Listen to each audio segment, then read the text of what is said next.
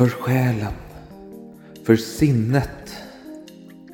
För välmåendet. Lyxen att efter en hård arbetsvecka som HR-strateg på ett multinationellt företag få lägga sig ner i ett varmt, varmt bad. Inget jävla badkar som man ber rörmokaren koppla in och som man fyller med kranar. Nej, nej, nej, nej, nej, nej, nej. nej. Så gjorde man inte förr i världen. Förr när världen var en mer naturlig plats och där förtryckande kapitalistiska uppfinningar inte trampade ner sin omgivning. Idag tar man saker för givet.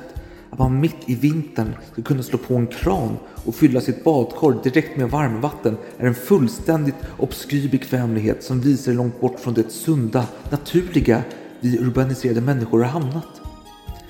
Jag har insett att frihet är inte att kunna göra vad jag vill när jag vill, utan frihet att begränsa sina förmåner och arbeta för man vill.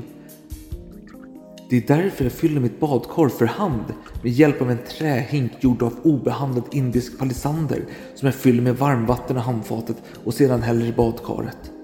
Det blir några vändor men eh, det resulterar i att jag inte tar det för givet och bara gör det när jag verkligen vill och jag verkligen har orken till det.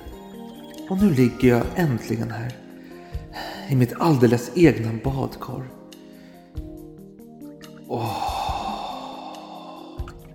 Ute regnar det. Men här inne är jag omgiven av bubblor.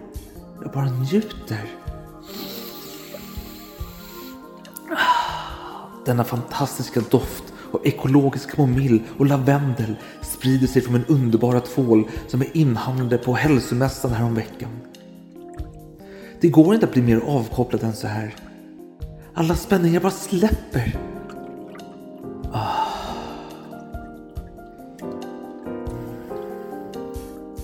Att vara en framgångsrik människa är inte en lek. Ständigt hårt arbete och uppoffringar som ligger bakom framgången. Medan många andra latar sig och jobbar 8 till 5 ska ni veta hur många gånger jag varit på plats extra tidigt för att få arbetsveckan att gå ihop. Jag, jag minns en vecka då jag var på plats så tidigt som 7.30 varje dag. Jag var till och med tidigare än fruktbudet som kommer dagligen med nya fräscha fruktkorgar till kontoret. Ja, ni förstår vilken huvudvärk jag fick på slutet av den veckan. Men då som nu så hjälpte badet mig att koppla av. Oj, eh, är han redan hemma? Han var inte borta länge. Han skulle ju gå ut och handla fisk till middagen ikväll. Hoppas nu för guds skull inte att han tog suven till butiken när vi faktiskt har gångavstånd till butiken. Den ligger bara två kilometer bort.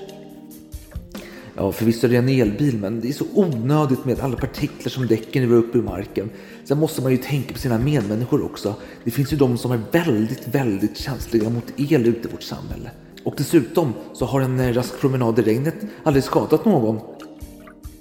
Nåväl, han får väl se till att kompensera mig för detta. När han kommer in här så vore det så himla skönt man kunde ta ett kraftigt tag i mina trötta små fötter och ge mig lite fotmassage. Jag ska ta två klunkar till Alex, sen kör vi. Mitt konunganamn skall vara Karl den sextonde Gustav. We shall never surrender. allen Zeiten nicht die Mehrheit! Kom inte med en sån jävla provocerande och aggressiv ton mot mig. Där har våldet triumferat. Ask not what your country can do for you. Ask what you can do for your country. Ska vi verkligen öppna en till flaska? Ja, vad fan har du att välja mellan? Skål, ta mig fan! I have a dream! Ah, I see you look at your leader. And I too look to you, Paul Bauma. It's one small step for man, one giant leap for mankind.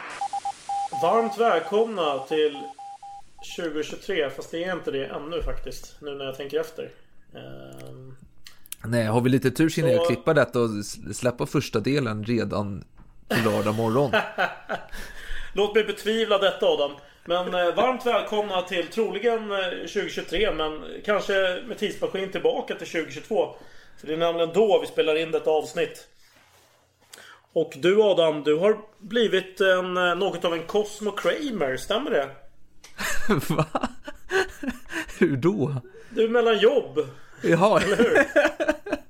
Ständigt mellan jobb. Ja, precis. Fast jag är inte lika ständig som Kramer är, utan jag har de här två veckor jag haft ledigt här eh, mellan två jobb. Jag är lite som Segemyhr.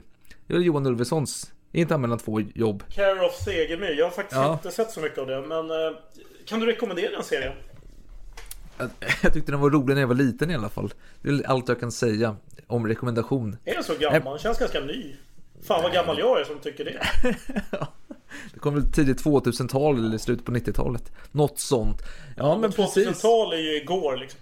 Ja, ja, ja, ja, bara 20 år sedan plus.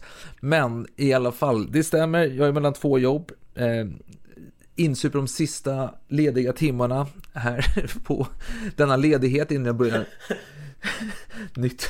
Bokstavligt talat insöp du ledigheten. eller ja, precis. Fast det varit lite väl torrt faktiskt den här ledigheten. Jag hade hoppats på lite mer vin under dessa dagar. Men tyvärr så kom den här ledigheten in bland julgrejerna. Så det är mycket så här naturligt röda dagar och visst man dricker en hel del på jul. Det gör man ju, men ja, det, är- det är inte samma grej som att vara ledig två hela ordinarie veckor så att säga. Men nej, men jag Nej, jag förstår, jag förstår. Det är högtiden som förpliktigar på olika sätt. Du kanske måste köra bil och, och så vidare. Jag Precis. förstår, jag förstår. Ja, ja det stämmer, det stämmer. Men nog pratat om mig Alex och nog pratat om dig, eller kanske inte nog pratat om dig för du har ju aviserat räcker, här, räcker. nej men du, du har ju aviserat att du ska flyga iväg, inte en gång utan två gånger.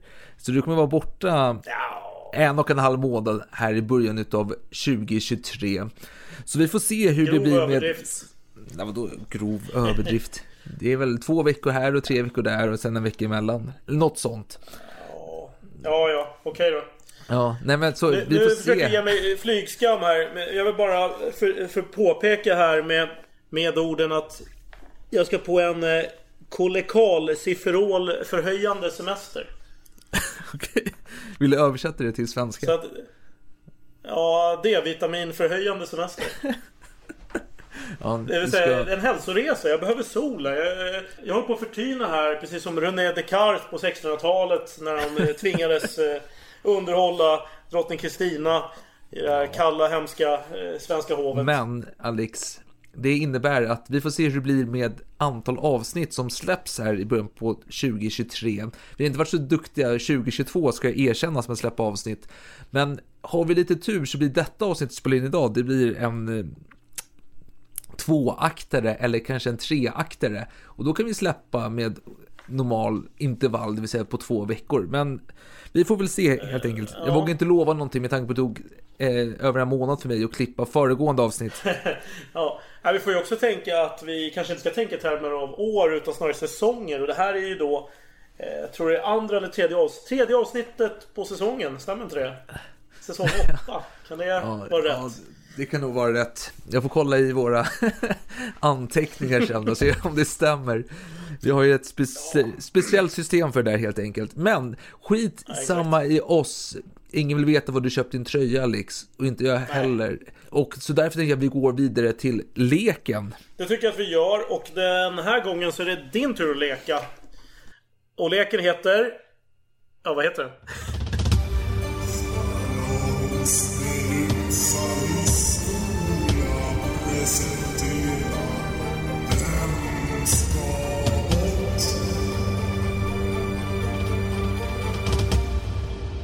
Vem ska bort?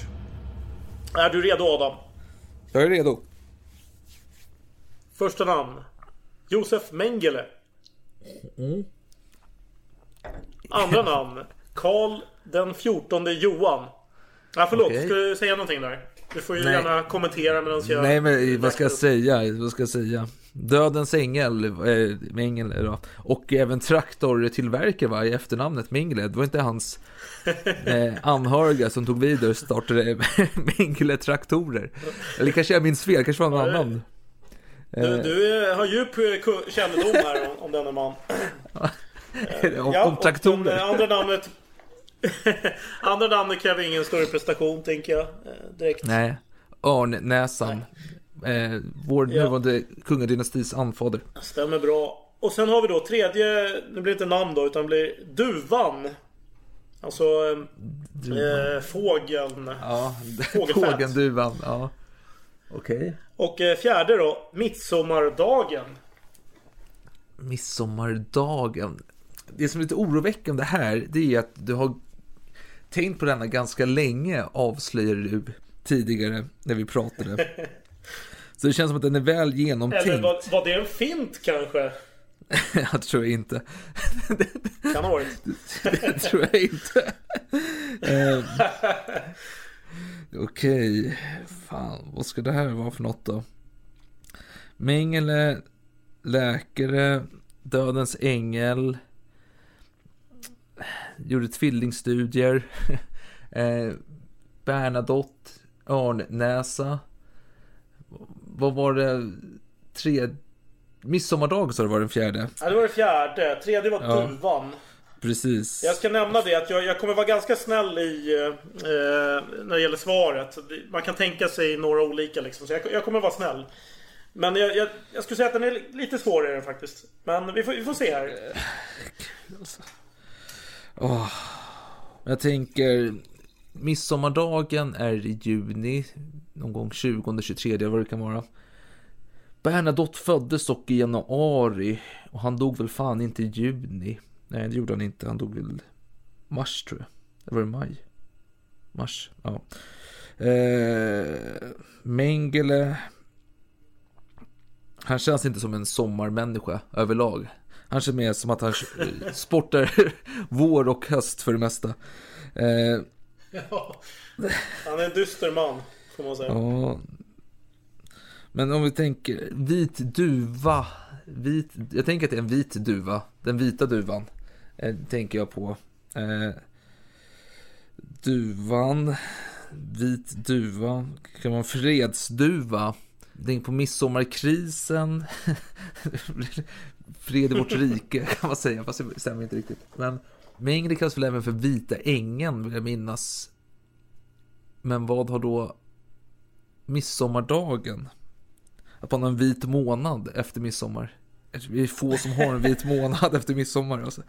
Eh, En kommentar som inte, är- som inte är baserad på vad du har sagt hittills. Men om du kommer på en bättre, ett bättre svar än vad jag har tänkt.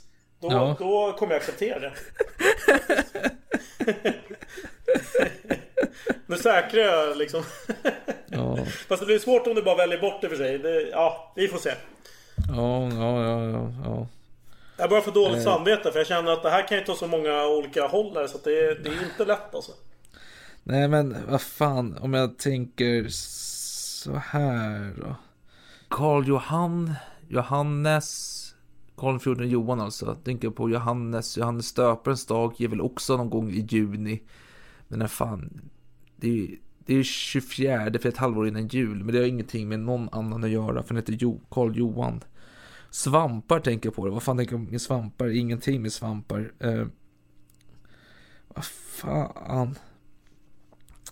Det här var svår Alex, den var Du svår. brukar ändå ha ganska mycket aningar om vilken som, som ska vara kvar och vilken som ska bort. Sådär. Det brukar du ofta säga i början där. Har du några Mm. sådana funderingar? Nej, jag tänker väl ändå att nu har vi två stycken som är väldigt konstiga. Eh, det vill säga duvan och midsommardagen. Så midsommardagen är så specifik. Eh, så den ska vara kvar. Duvan kan vara, men det känns inte så. Eh, men jag ska inte vara den som är den. Eh, det kan ju vara om jag bara hittar på någonting med vitt med Karl den 14 Johan. Baptist. Nej, vänta. Fan, dum i huvudet är jag. Johannes döparen, det är 24 juni. Karl Baptist är ju döparen då, såklart. Baptist. Eh, vad fan har midsom...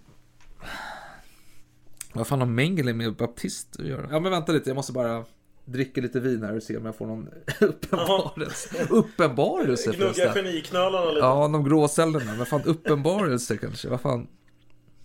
Men jag tänker duvan. Brevduvor finns ju också. Eh, man äter mycket duvor i vissa länder. Eh, eh, fan, alltså. Mm.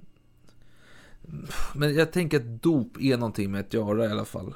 Eh, Jag tänker att duvan har väl ändå, den brukar finnas avmålad på um, dopbilder. Johannes Stöparen. Ja men du ska Mengele bort. Korrekt. Yes! Helt rätt. Mengele ska bort. Mm. Låt höra ehm, motiveringen. Då säger jag så här att Jean Baptiste har vi Baptist döpt, det vill säga. Eh, sen har vi midsommardagen, tänker jag Johannes döparens dag, att det kanske infaller samtidigt där vissa helger, eller i samband med det då. Och då tänker jag att Jesus kanske döptes då, då var den vita duvan närvarande. Den avbildas med Jesus när han döps i gamla målningar. Jag skulle säga absolut. Det här är så pass nära att jag skulle säga att det är absolut rätt. Så det är bravo! Tio, eh, vad blir det? 10 poäng? Ja, är det sant? är, är jag i mål då Ja, absolut. eller? Ja, det tycker jag. Ja, ja det kanske det faktiskt är. Jag, jag har tyvärr inte jättebra koll på eh, nuvarande ställe. Men det, det kan, kan det vara så? Vad sa Jag får vi? kontroll. Vad var gränsen? 30, 30 var gränsen. Ja, men då känns Men det som att du är i mål va? Vi säger det. Vi får, jag får gratulera dig. Tyvärr ingen pokal Tack. att ge det här. Men, men jag tänker innan vi avslutar leken så ska jag ändå bara gå igenom svaren här. Ja. Är, är det okej? Så att vi har ju först eh, Karl XIV Johan. eh, Hans franska namn. Jean Baptiste. Jean Baptiste. Vad betyder Jean Baptiste? Om man eh, översätter till Johannes döparen. Helt rätt, helt rätt. Duvan, det är en symbol för dopet. Ja, ja, Så, jo. ja, så, att, så man kan säga dop, Johannes döparen. Sen har vi då det sista då, midsommardagen. Det är precis som du säger då, Johannes döparens dag. Det, sen, kri- vad ska man säga? Midsommardagen har väl mer hedniskt ursprung då, men på något sätt så slog man ihop det där. Så att det, det Ja, blev ju ja. midsommardagen. Men det är ju Ja. egentligen Johannes döparens dag. Ja. Så att det var, Johannes döparen som var tanken här. Men Okej. jag skulle acceptera dop och, och, och liknande också då. Absolut. Medan Josef Mengele, som du säger, dödsängeln. Så att du fick ju in all fakta här som var relevant ska jag säga. Ja, ja men, men jag, jag, jag, alltså jag, jag måste be om ursäkt att jag inte kopplade Jean Baptiste till Johannes döparen. Det, jag bara tänkte på Jean, Jean, Jean, inte Johannes, översättningen. Baptist Ibland- var det ju för sig. Så Jo, jag vet, men jag tänkte inte att det var Johannes döparen. Ibland är man lite färgblind när man sitter eh, och tänker på men det de var, franska det var väldigt, väldigt bra. Ja, men tack, tack, tack. Jag ska dubbelräkna, gå igenom gamla avsnitt och räkna poängen här så det inte är så att det är att jag har 25 poäng eller något liknande. Eh, men jag tror att jag har 30 Ja, poäng. men vad så- bra. Ja, men vi får se. Förhoppningsvis är det över. en, vad så, då har vi, vad kommer fram till nu? En och en halv månad eller någonting på dig då att granska den här poängställningen. Så det är ju fantastiskt. Ja, vi får se om jag klarar av det. Fy fan alltså. Ja.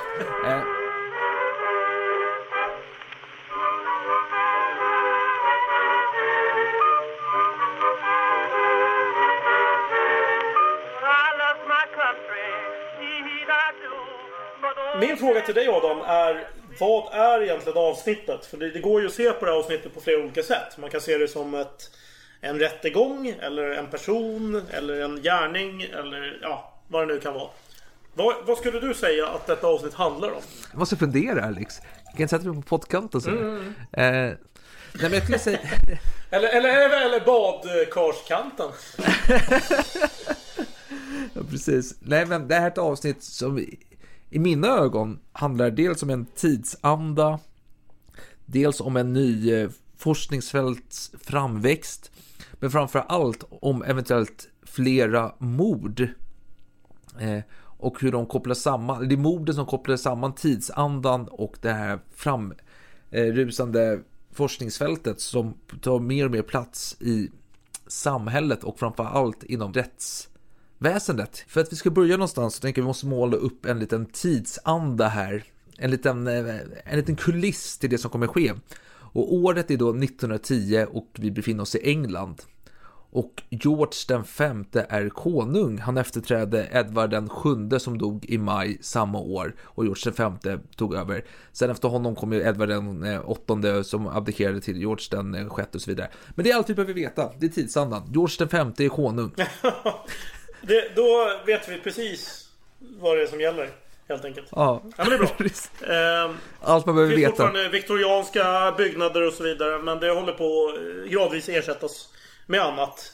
Parisiskt mode är populärt. Eh, Man importerar de här enormt stora hattarna, vet jag. Eh, Det var någonting som var vanligt i London. Jo, jo, och kvinnor börjar gå i eh, Ja, kjolar. kjolarna var snäva men eh, raka på något sätt. Det var någon, det var någon poiré. fransk, eh, eh, skräddare eller vad han nu var för någonting. Som hade kommit på det. Mm. Eh, men när jag ser de där klänningarna då tänker jag lite på eh, liksom Agatha Christies romaner. Känns som en, någonting som kommer från en framsida av en sån bok. Egentligen. Ja, där, absolut. Poiré-klänningarna. Ja, absolut. Och det är en tid... Poirot i Poiré. Nej, ska, han skulle i och för sig aldrig ta på sig en sån klänning. Men, men ja, ni förstår vad jag Men, menar. men det är en tidsanda han verkar i, så att säga. Poirot, det vill säga. Ja, även om Poirot... Ja, hans karriär spänner ju över flera decennier. Så det är ju såklart svårt. Jag vet inte ens om han är aktiv där under 1910-talet. Det känns som att han är mest är 30, 40, 50-talet va? Det är, väl min Nej, känsla. nej, men jag, han- nej, han- jag, jag, alltså, jag kan han- ha fel. Nej, absolut. Du har rätt i en poäng att han inte fanns 1910, men han debuterade 1920. Den första novellen utav Mm, Poirot. mm, mm. En dos strykin. Ah. Strykin, säger man så? Ja. Bra kuriosa. Ja, Eh, men nej men jag tänker att vi, vi ska inte skapa för mycket ångest här utan vi får väl dra igång helt enkelt. Ja. Eh, då tänker jag att eh, kan det vara läge att prata om Bessie Mundi? Eller har du någonting annat du vill ta upp innan? Nej, börja prata om Bessie Mundi du. Men då gör jag så här att jag kommer berätta lite om Bessie Mundi och om du känner för det så får du jättegärna lägga till eh, information. Då börjar jag med att beskriva Bessie som en eh, ganska vardaglig kvinna på 33 år som eh, betecknades som Old Maid på den här tiden, eh, vilket var då skamfyllt. Hennes moder då hade dött tidigt när hon var litet barn. Så att fadern uppfostrade henne själv fram till 1904, så det var några år tillbaka. Då han också hade dött. Men hon fick ett eh, bra arv. Det var hela 2500 pund. Och det är ju svårt att för- föreställa sig eh, idag hur mycket det är. Men det är jättemycket pengar. Eh, dock, eh, med förbehållet då att eh, det här var hennes eh, farbröder då, som var förmyndare. Så hon ansågs inte kapabel att investera de här pengarna själv. Och Nej. det farbröderna gjorde var att de skapade en fond åt henne och att hon skulle få utbetalningar av 8 pund per månad för resten av sitt liv. Så att uppenbarligen räcker 8 pund eh, per månad för att klara sig eh, säkert bra. Så det ger ju någon eh, kontext. Ja, fast du, du, du, nu är du lite väl snäll mot farbröderna och hennes bror dessutom som också finns där bakom kulisserna. Och en liten grå eminens, men hon tyckte att 8 pund var på tok för lite för att försörja sig. Hon skulle hyra en bostad och hon skulle ha råd med kläder och mat. Men hon tyckte att det var lite väl snävt där egentligen med 8 pund. Okej, fast det räcker ju kanske för att hyra en bostad. Men man kanske inte kan ha tjänstefolk och liknande. Utan, jag, jag vet faktiskt inte, jag bara spekulerar helt vilt. En bostad är ju då eh, ett, ett rum. Det är inte så att hon har råd att hyra en, ett helt hus, utan det är ett rum hon hyr. Mycket bra tillägg där. Eh, och faktum är att man pratade om dels sovrum och sen sittrum också. Sittrum var ju Ja. mer, ja, jag tänker med ett vardagsrum antar jag. Och jag Ja. vet inte, de flesta kanske bara unnade sig ett sovrum. Vad vet jag? Ja. Det beror jag vet lite inte, på. Jag vet inte hur husen i Bristol såg ut på den här tiden och vad det var för typ utav. Men som jag tolkar så var det väldigt enkelt och väldigt litet. Nej, och intressant att du nämner Bristol. För det är ju precis där hon hamnar då. Till slut. Eller ja, till slut. Eh, efter en tid där, cirka 1910. Kanske lite innan. Varför sökte hon sig till Bristol? Jo, alltså hon är ju en kvinna som ändå har lite pengar. Hon är ju inte utfattig. Så hon kan ju Nej. ändå unna sig lite småsaker. Hon kan ju shoppa bland annat. Det ju, kan vara trevligt. Ja men eh, snälla nu, du snälla med- nu. Nu förskönar du Nej men då var en annan... Shoppa, det får låta som att de går på äh, vet du, Biblioteksgatan och handlar liksom. Fan, kom igen nu liksom. Hon hänger något så här obskyrt Ja, eh, köpcenter i någon förort. Hassas outlet eller något sånt där. Okej, okej. Ja, men det är bra att du nyanserar den här bilden här. Men jag tänkte säga det att eh, någonting som man kan unna sig när man har lite mer pengar och det beror förstås på väldigt många andra faktorer. Men det är det här med skönhetsoperationer. Eh, det är någonting som man kanske ägnar sig åt om man eh, har lite... Eh, ja, man har inget krav på sig att jobba helt enkelt. Jo, skönhetsoperationer är all ära, men varför ska man begå, begå skönhetsoperationer? Det här har vi Bessie, en ung liten tös på, vad var hon, 33 år, något sånt där. Vilket inte är så ungt i den tiden, utan det är det, det man gör lastgammal för guds skull. Och man ska giftas tidigt också, för att det är ett överskott på kvinnor Ja, jämfört med män i England. det är det. Och eh, eftersom att kvinnor med dåtidens ögon betraktas som ganska hjälplösa små varelser och männen som ganska kompetenta varelser överlag så måste man ju hitta en man illa kvickt. Och det var någon samtida tykonom som, om jag får parafrasera den personen, jag minns inte vad personen hette heller för den delen, men det var någonting att man inte ska drömma om drömmannen utan att drömma om att man ens utan man ska drömma om att en man ens vill ha en. Så man ska ge bort, det här var inte, det var inte tiden för att vara um, picky, utan här var här måste du liksom acceptera det du får och älska det du får helt enkelt. Och man annonserade mycket i tidningar på den här tiden. Det var ju väldigt mycket så här att man fläkte ut att man var en eh, relativt attraktiv kvinna och man hade en hel del pengar också som eh, på bankkonton hit och dit så att männen då kunde välja och vraka lite där vem man ville ta. Mm. Och eh, det, det, är en tuff, tuff konkurrenssituation helt enkelt. Då kan man tänka sig att britter är inte kända för deras tandhygien direkt. Nej, det är de inte. Nu gjorde ju Bessie precis som 250 000 andra personer gjorde i London varje månad. Hon mm. ryckte helt enkelt ut sina tänder och ersatte dem med löständer. Eh, och min källa för det här med 250 000 personer per månad, det var från Daily Mirror då, 1906.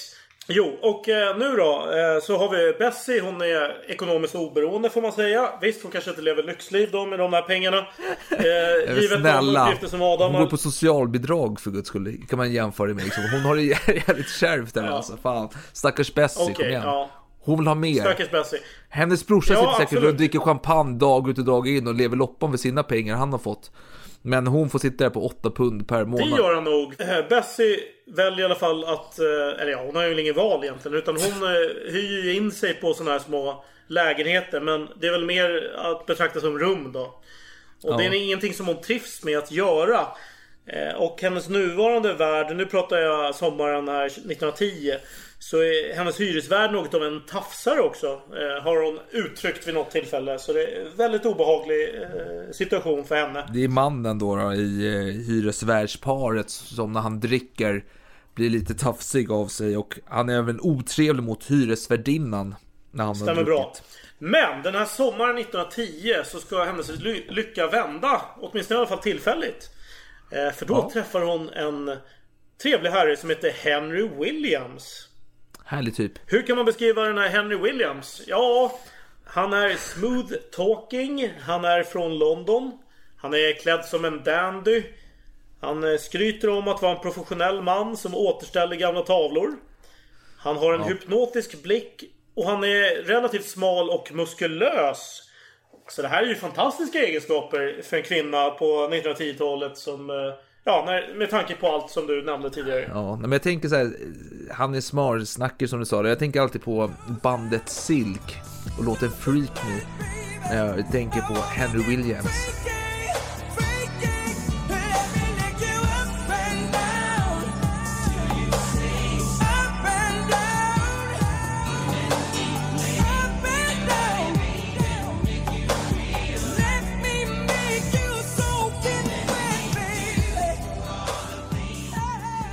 Och eh, efter att ha träffat den här mannen då så eh, Så småningom så åker hon iväg med honom på en resa till Weymouth Som kallades för Englands Napoli.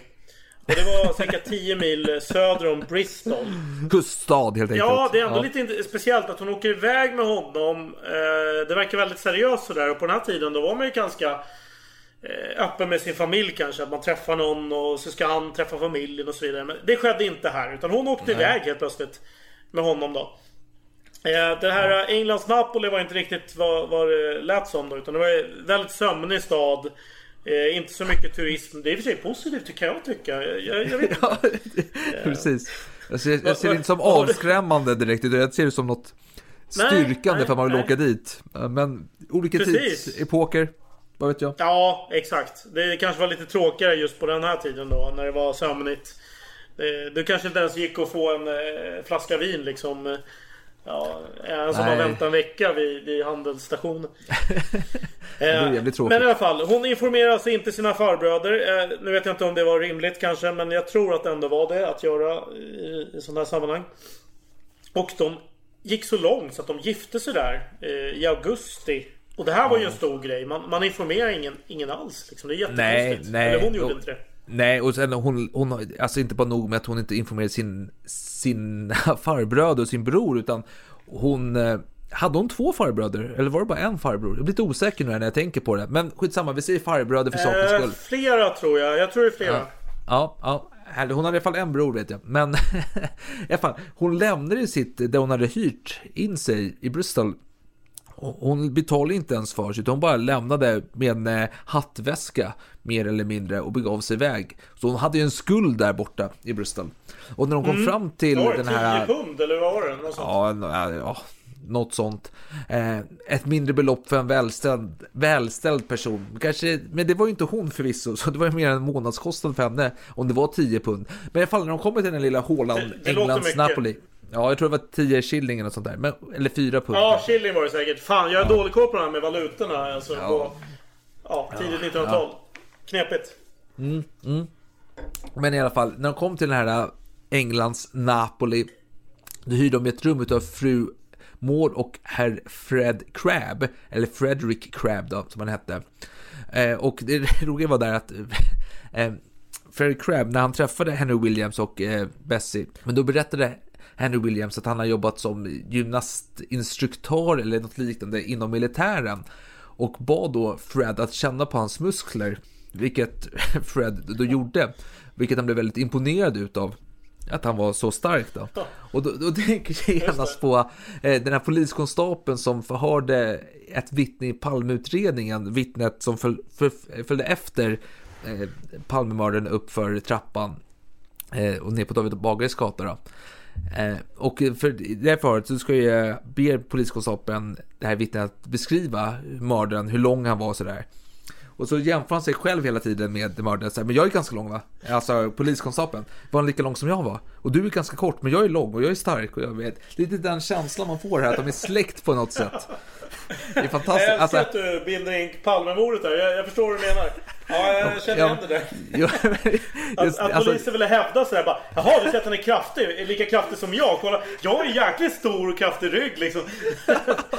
Sådana grejer liksom. och hur jag trycker ner vittnet också. Så här, men du är väldigt kort. Du, du, är så här, du är under genomsnittet va? Alltså, jag, måste, jag måste lägga upp en bild på det här förhöret. Det är fantastisk eh, litteratur. Ja, det är ett åtagande Adam. Ska du verkligen lova det? Ja, jag, jag, jag, jag är Ja, som eh. bäst när jag är berusad och lovar saker. Det är då jag lever upp till mitt eh, namn så Ja, att men det är säga. härligt. Men ja, fall, men de skulle, de skulle jag har sig. noterat din kommentar. Ja, men de, de skulle gifta sig, men man, behöver, men man behöver vittnen för att eh, gifta sig.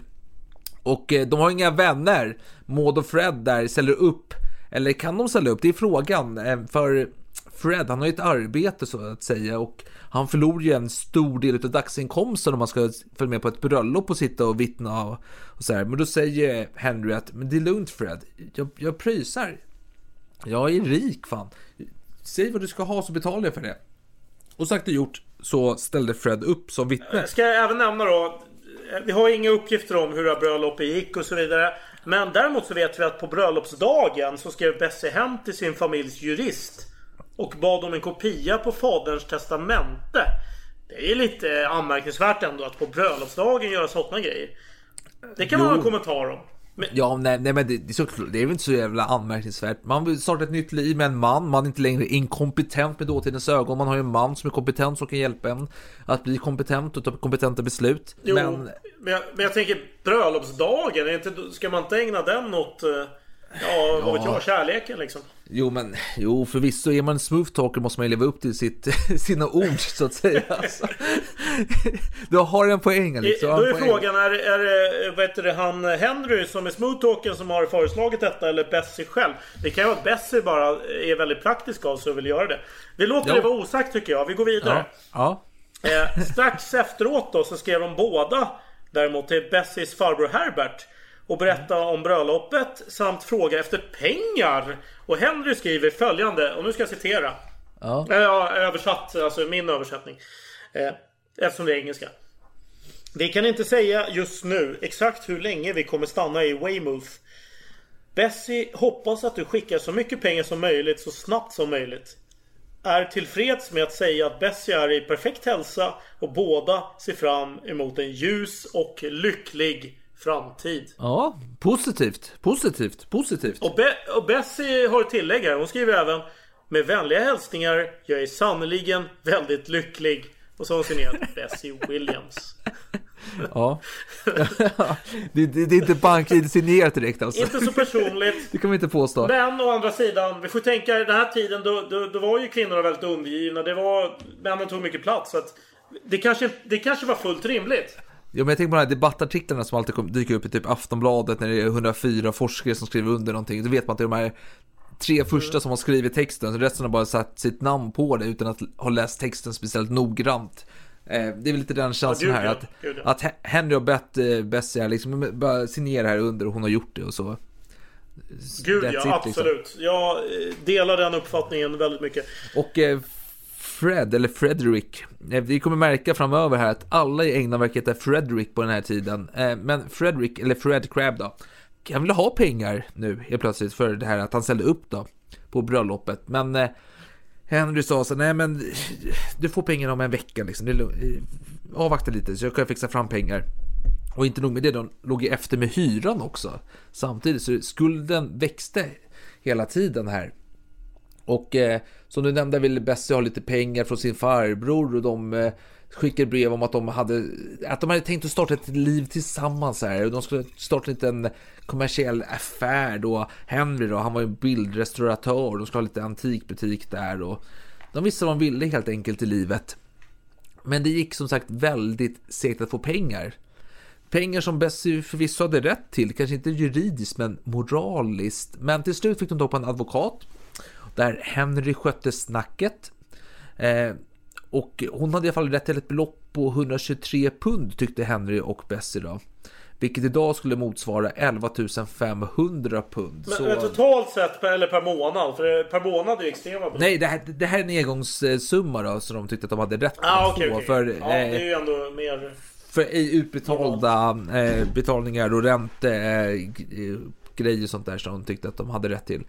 Och eh, farbröderna och bror på andra sidan satt och dog sig i håret och försökte eh, fördröja denna situation.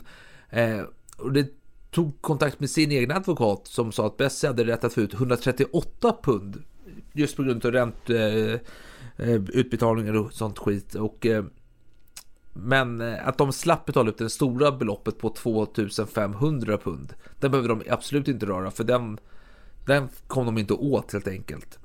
För att komma åt den så måste, alltså, ja, den dagen när Bessie är gammal och dör, ja då kan man komma åt de där 2500 kronorna. Helt enkelt. Men eh, så Henry och Bessie de fick en check på posten som de tog in för att lösa ut då. Och när de fått pengarna så gick eh, Henry tillbaka till sitt rum. Där han fick höra då att han hade fått ett telegram och han var läste telegrammet och han läst oj oj oj han måste bege sig genast till London. Och han berättade då för eh, Fred och Maud att eh, Bessie hade fått pengar att de skulle betala skulderna de hade till dem. Och så vidare. Och några timmar senare så kom Bessie hem och frågade var fan är min man någonstans? Och de sa så här, nej men han var tvungen att åka till London. Jaha, tänkte hon. Hon var upprörd över detta. Det var inte alls roligt att få den nyheten. Hon var nykär och ny, ja, relativt nygift. Och hon fick eh, senare brev från Henry då. Och där han skrev att han hade fått en eh, dålig, smutsig sjukdom från henne. Och att hon inte hade varit moraliskt ren. Antingen hade hon varit med en annan man innan honom. Eller så hade hon inte bara hållit efter sin ja, personliga hygien helt enkelt. Men han var tvungen nu att åka till London och bli behandlad av doktorer för denna hemska åkomma som hon nu hade gett honom. Och det skulle inte vara gratis. Nej, nej, nej, nej. Doktorer kostar mycket pengar och det kan ta flera år att behandla denna sjukdom som han nu hade fått utav henne. Och eh, hon fick även massa instruktioner här hon skulle säga till folk. Allmänt skulle vara känt att, hon, att han hade det sport i affärer utomlands, tror det var Frankrike. Men till hennes farbror, eller farbröder då, och bror skulle hon säga sanningen om sjukdomen som hon hade gett honom. Däremot skulle hon säga att alla pengar hon fått från farbrorn hade hon förvarat i en väska som hon tog med sig till stranden. Väl på stranden hade hon då råkat somna olyckligtvis och någon människa hade gått förbi och tagit pengarna från henne.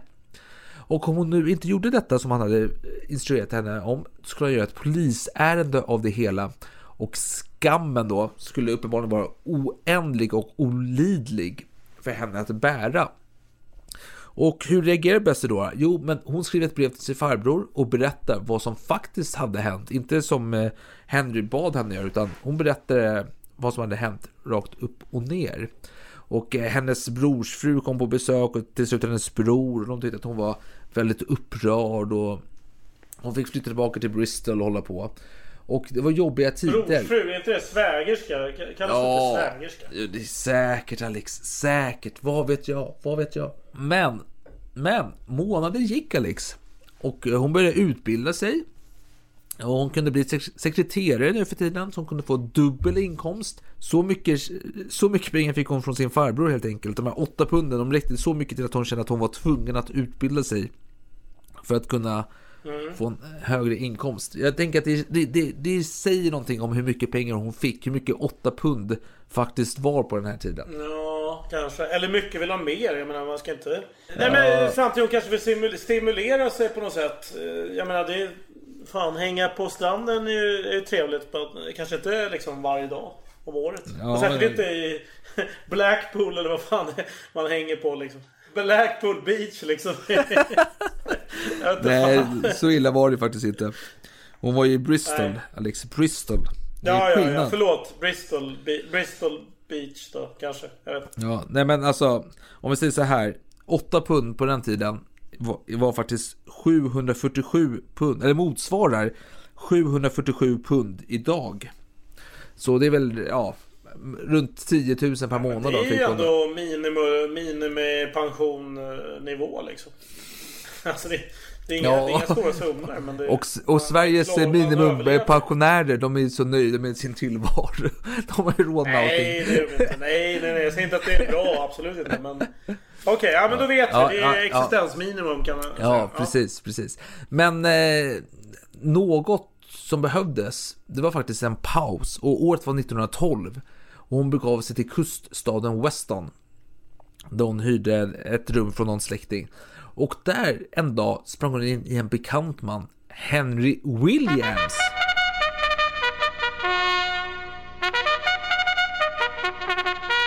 Jaha, mannen som hade tagit, tagit alla hennes pengar och åkt iväg. Och tagit hennes kläder kanske till och med också. Ja. Jag kommer inte ens ihåg. Ja, jo, jo, han har ju tagit det mesta från henne. Ja. Men han... Han måste ju vara fly förbannad, eller hur? Ja, jo då, men eh, för att återigen eh, referera till bandet Silk. Det är ett möte i deras sovrum helt enkelt.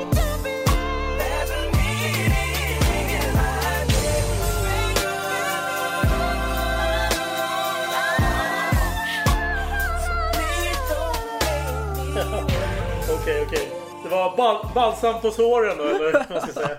Ja, precis. Nej, men, Henry förklarade att han hade försökt leta efter henne ett tag. Och det här var faktiskt 1912, så det var inte så lätt att hitta folk på den tiden. Man skriver inte en så här efterlysning på sociala medier. Och är, man måste ju liksom åka Exakt. runt i massa Det är faktiskt det var kuststäder. en giltig ursäkt kanske. Ja, relativt ändå. Liksom. Hon verkar väl vara en person som beger sig runt till olika kuststäder.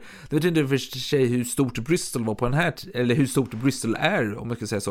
Men det känns som att hade han åkt dit så hade han nog träffat henne relativt snart om han hade hängt på stranden. Om vi ska tro dig Alex, att hon var en riktig strandmänniska som hängde där dag ut och dag in.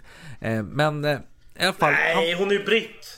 De, de är ju bleka? Så det, det tror jag. Det, det, det har du i och för sig rätt i. Men i alla fall.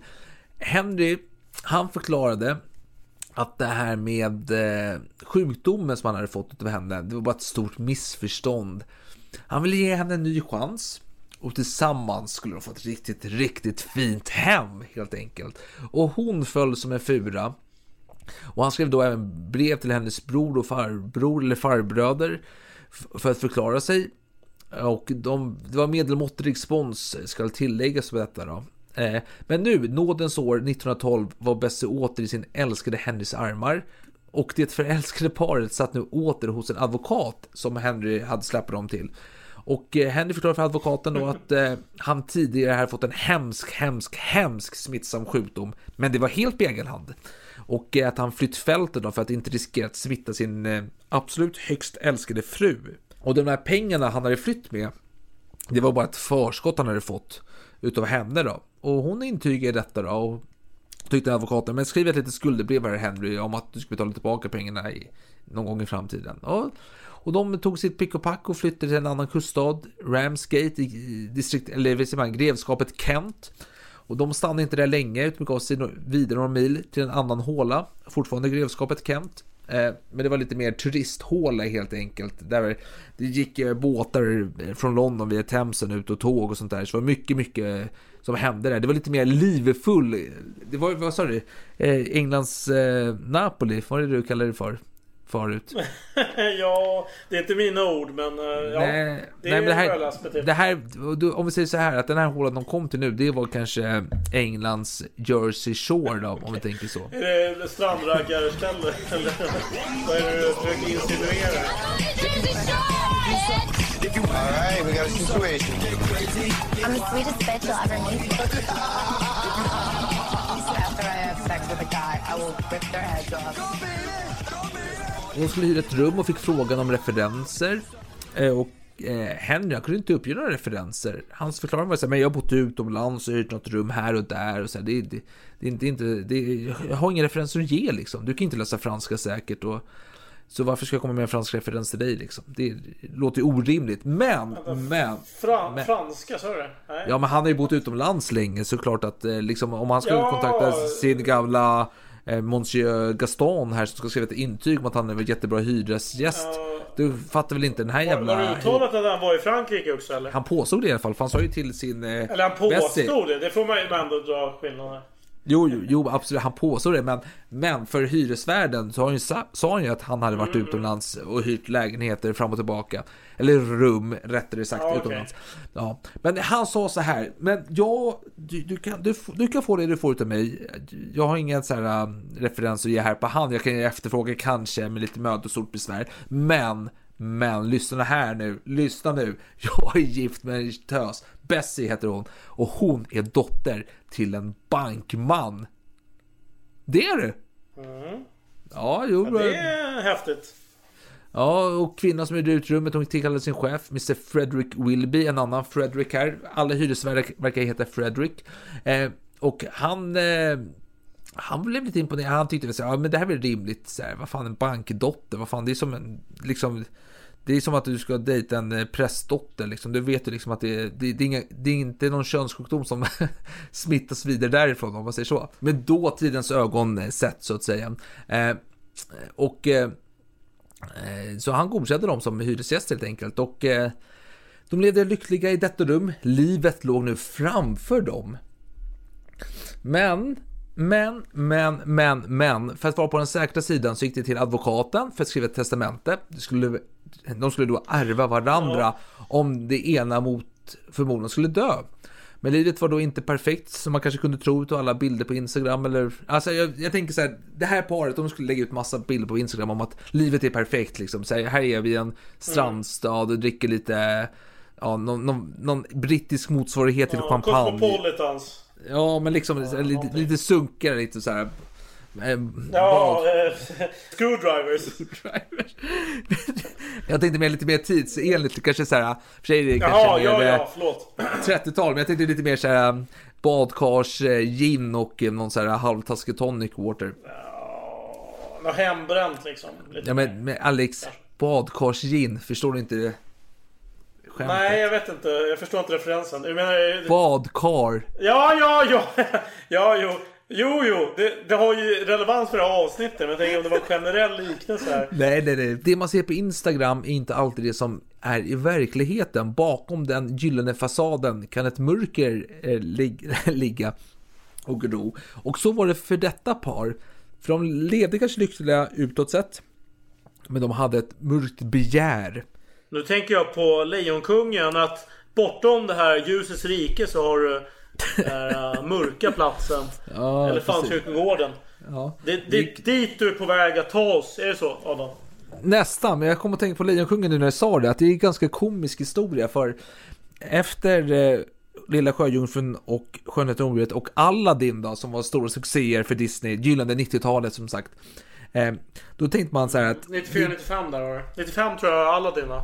Nej, men Alex, Alex, Alex, Alex, Alex. Mm, mm, mm. Så här ligger det till. Du, vi, vi tar det från början. Vi tar det från början. Lilla Sjöjungfrun, den kom 89. Ja, ja, Skönheten, okej. Skönheten och odjuret, den kom 91. Och då har vi Aladdin Ja. 92. Aha, Okej. 92. Det säger mig absolut något. Ja. Ja, och då har man haft tre succéer här.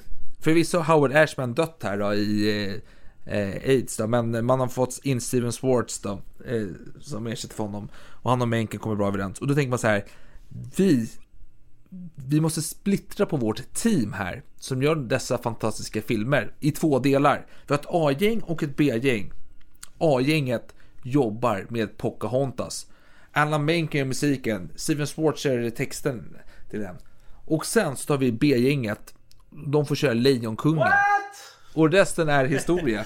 Nej, jag vill vända på det där faktiskt. Men ja, jo, men det är ju med eftervärldens dom har fallit hård över det här beslutet. Vi har djurriket, har den här visdomen, Circle of Life, hela den här kittet. Pocahontas är fantastisk, alltså otroligt bra Pocahontas här. Musiken, texten är världsklass. Det har ju ära, guld och guld och för Virginia Company. Ja, ja, jo, Vilken jag- hit alltså, vilken hit alltså. Ja, alltså det, det är välkänt att du hyllar den låten. Jag, jag kan inte invända på något sätt.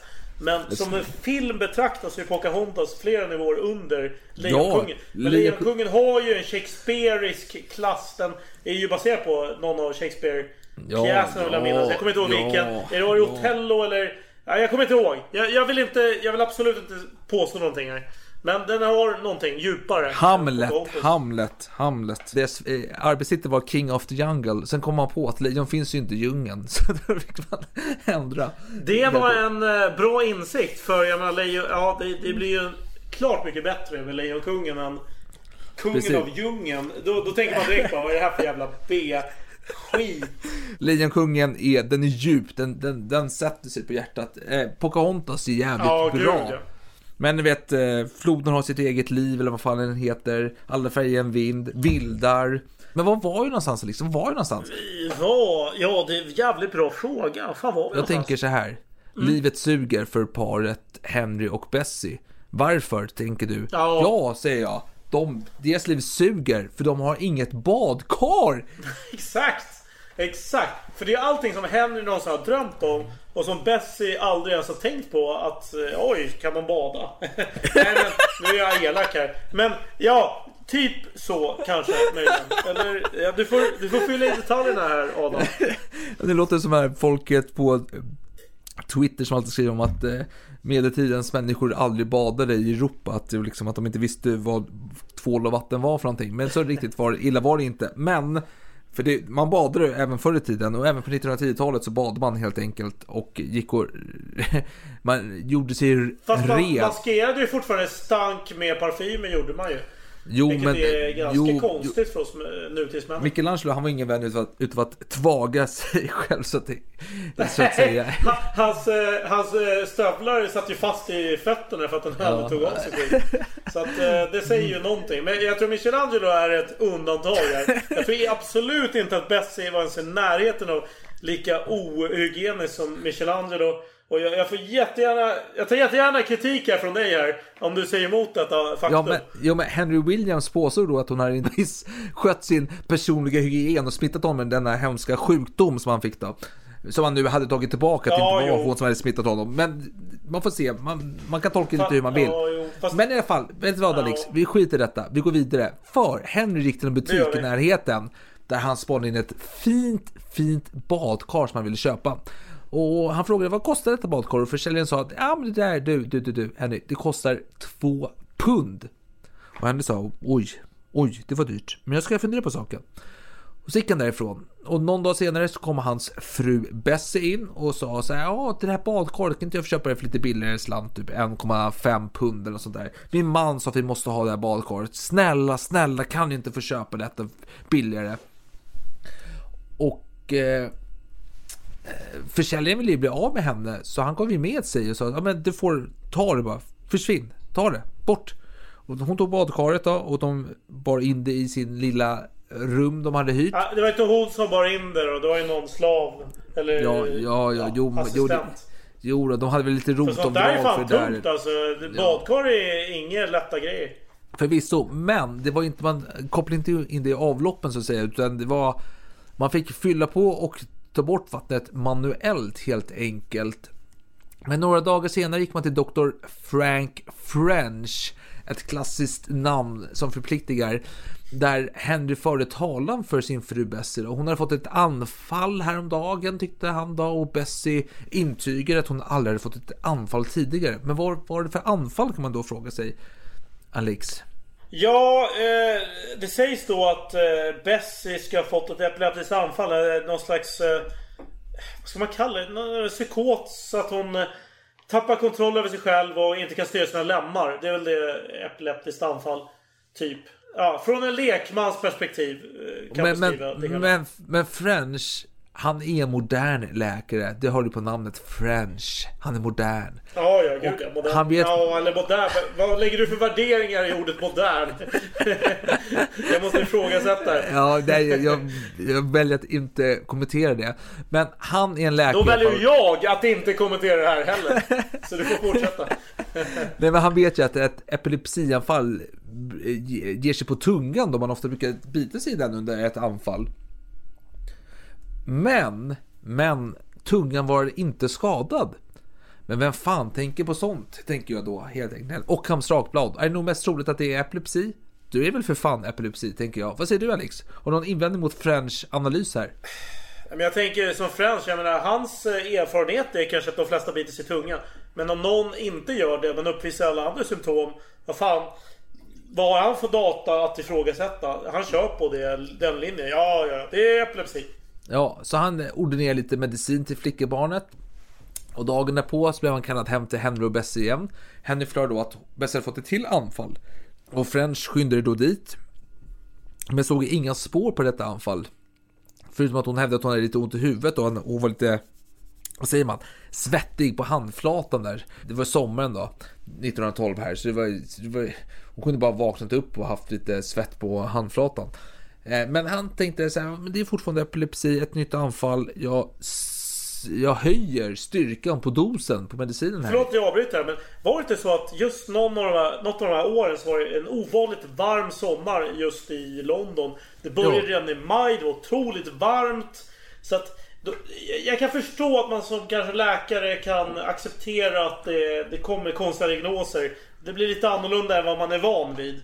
Det är ju Ja. annorlunda tider, tänker jag. Ja, absolut. Och det var just det, denna sommar det var ovanligt varmt. Men Bessie då, hon började författa ett brev till sin, sina farbröder eller sin farbror, beroende på hur många de var. Jag är lite osäker fortfarande Alex, jag är inte helt övertygad om att du sett att de var två. Mer, mer än en är min eh, bestämda åsikt. Sen kan jag inte ge dig exakta antal. Ja, nej, jag, jag, jag kan... Herbert är en av dem.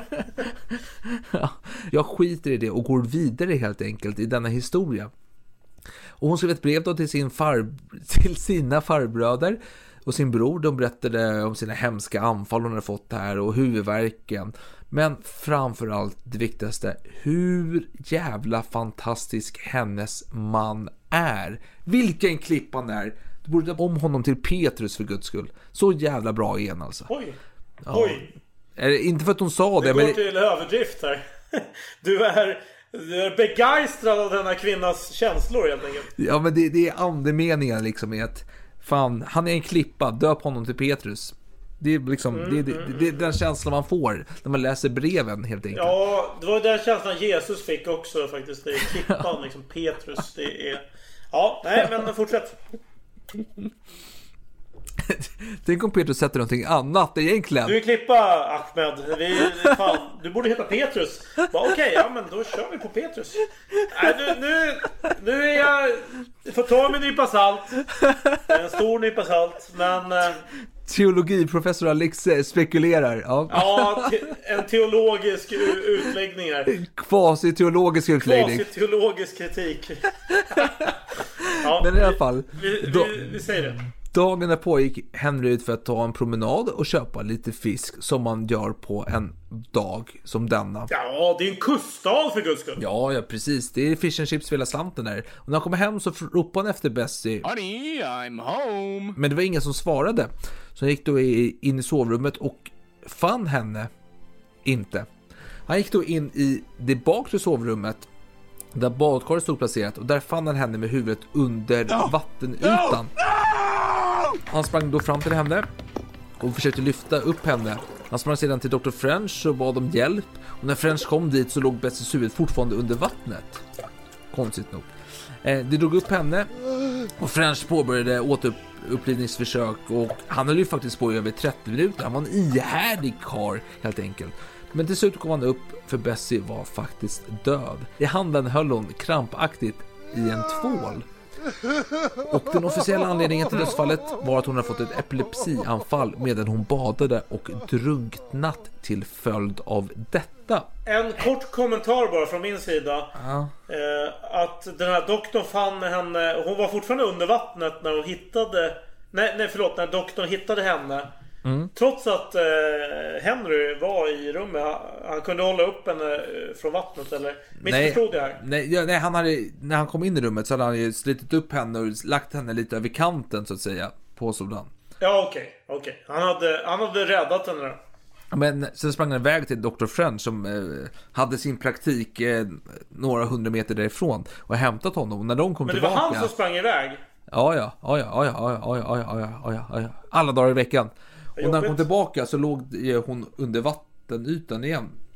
Helt enkelt. Mhm. Men, men, men, men, men. Henry kontaktade Bessies anhöriga och informerade om dödsfallet. Men han var faktiskt lite, lite slarvig med detaljerna kring eh, då när begravningen skulle ske och när själva förhör, alltså man kallar det för rannsakning, eh, skulle ske. Och så anhöriga missade båda dessa delar. Och eh, rannsakningen kom fram då till att det var en olycka. Det hela. Hon hade fått ett epilepsianfall och dött. De badade. Och begravningen var billig. Henry var faktiskt väldigt mån om att hålla nere kostnaderna. Och Henry var ledsen. Men han var en ledsen man som kunde säga väldigt plumpa saker mitt i sorgen. Som att eh, till någon sa han så här det var en jävla tur att eh, han, han får henne att skriva ett testamente innan hon dog. Mellan tårarna. Oj ja. Ja, ja, Det är ganska extremt. Eh, Man kan förstå om det är någon som svälter men... Ja, ja. Ja, men efter dödsfallet då, nu när det, det var begånget. Så gick han tillbaka till försäljningen av badkaret. Och lämnade tillbaka badkaret och fick tillbaka pengarna för det. Samt möblerna också okej. lämnade tillbaka. Han, han lyckades få tillbaka alla pengar utan att Ja, betala mellanskillnaden ja. Snipp, snapp, snut så var sagan slut. Och detta var del ett utav vår trilogi blev det helt enkelt visade sig om eh, badkarsmordet eller morden eller olyckorna eller vad fan du vill.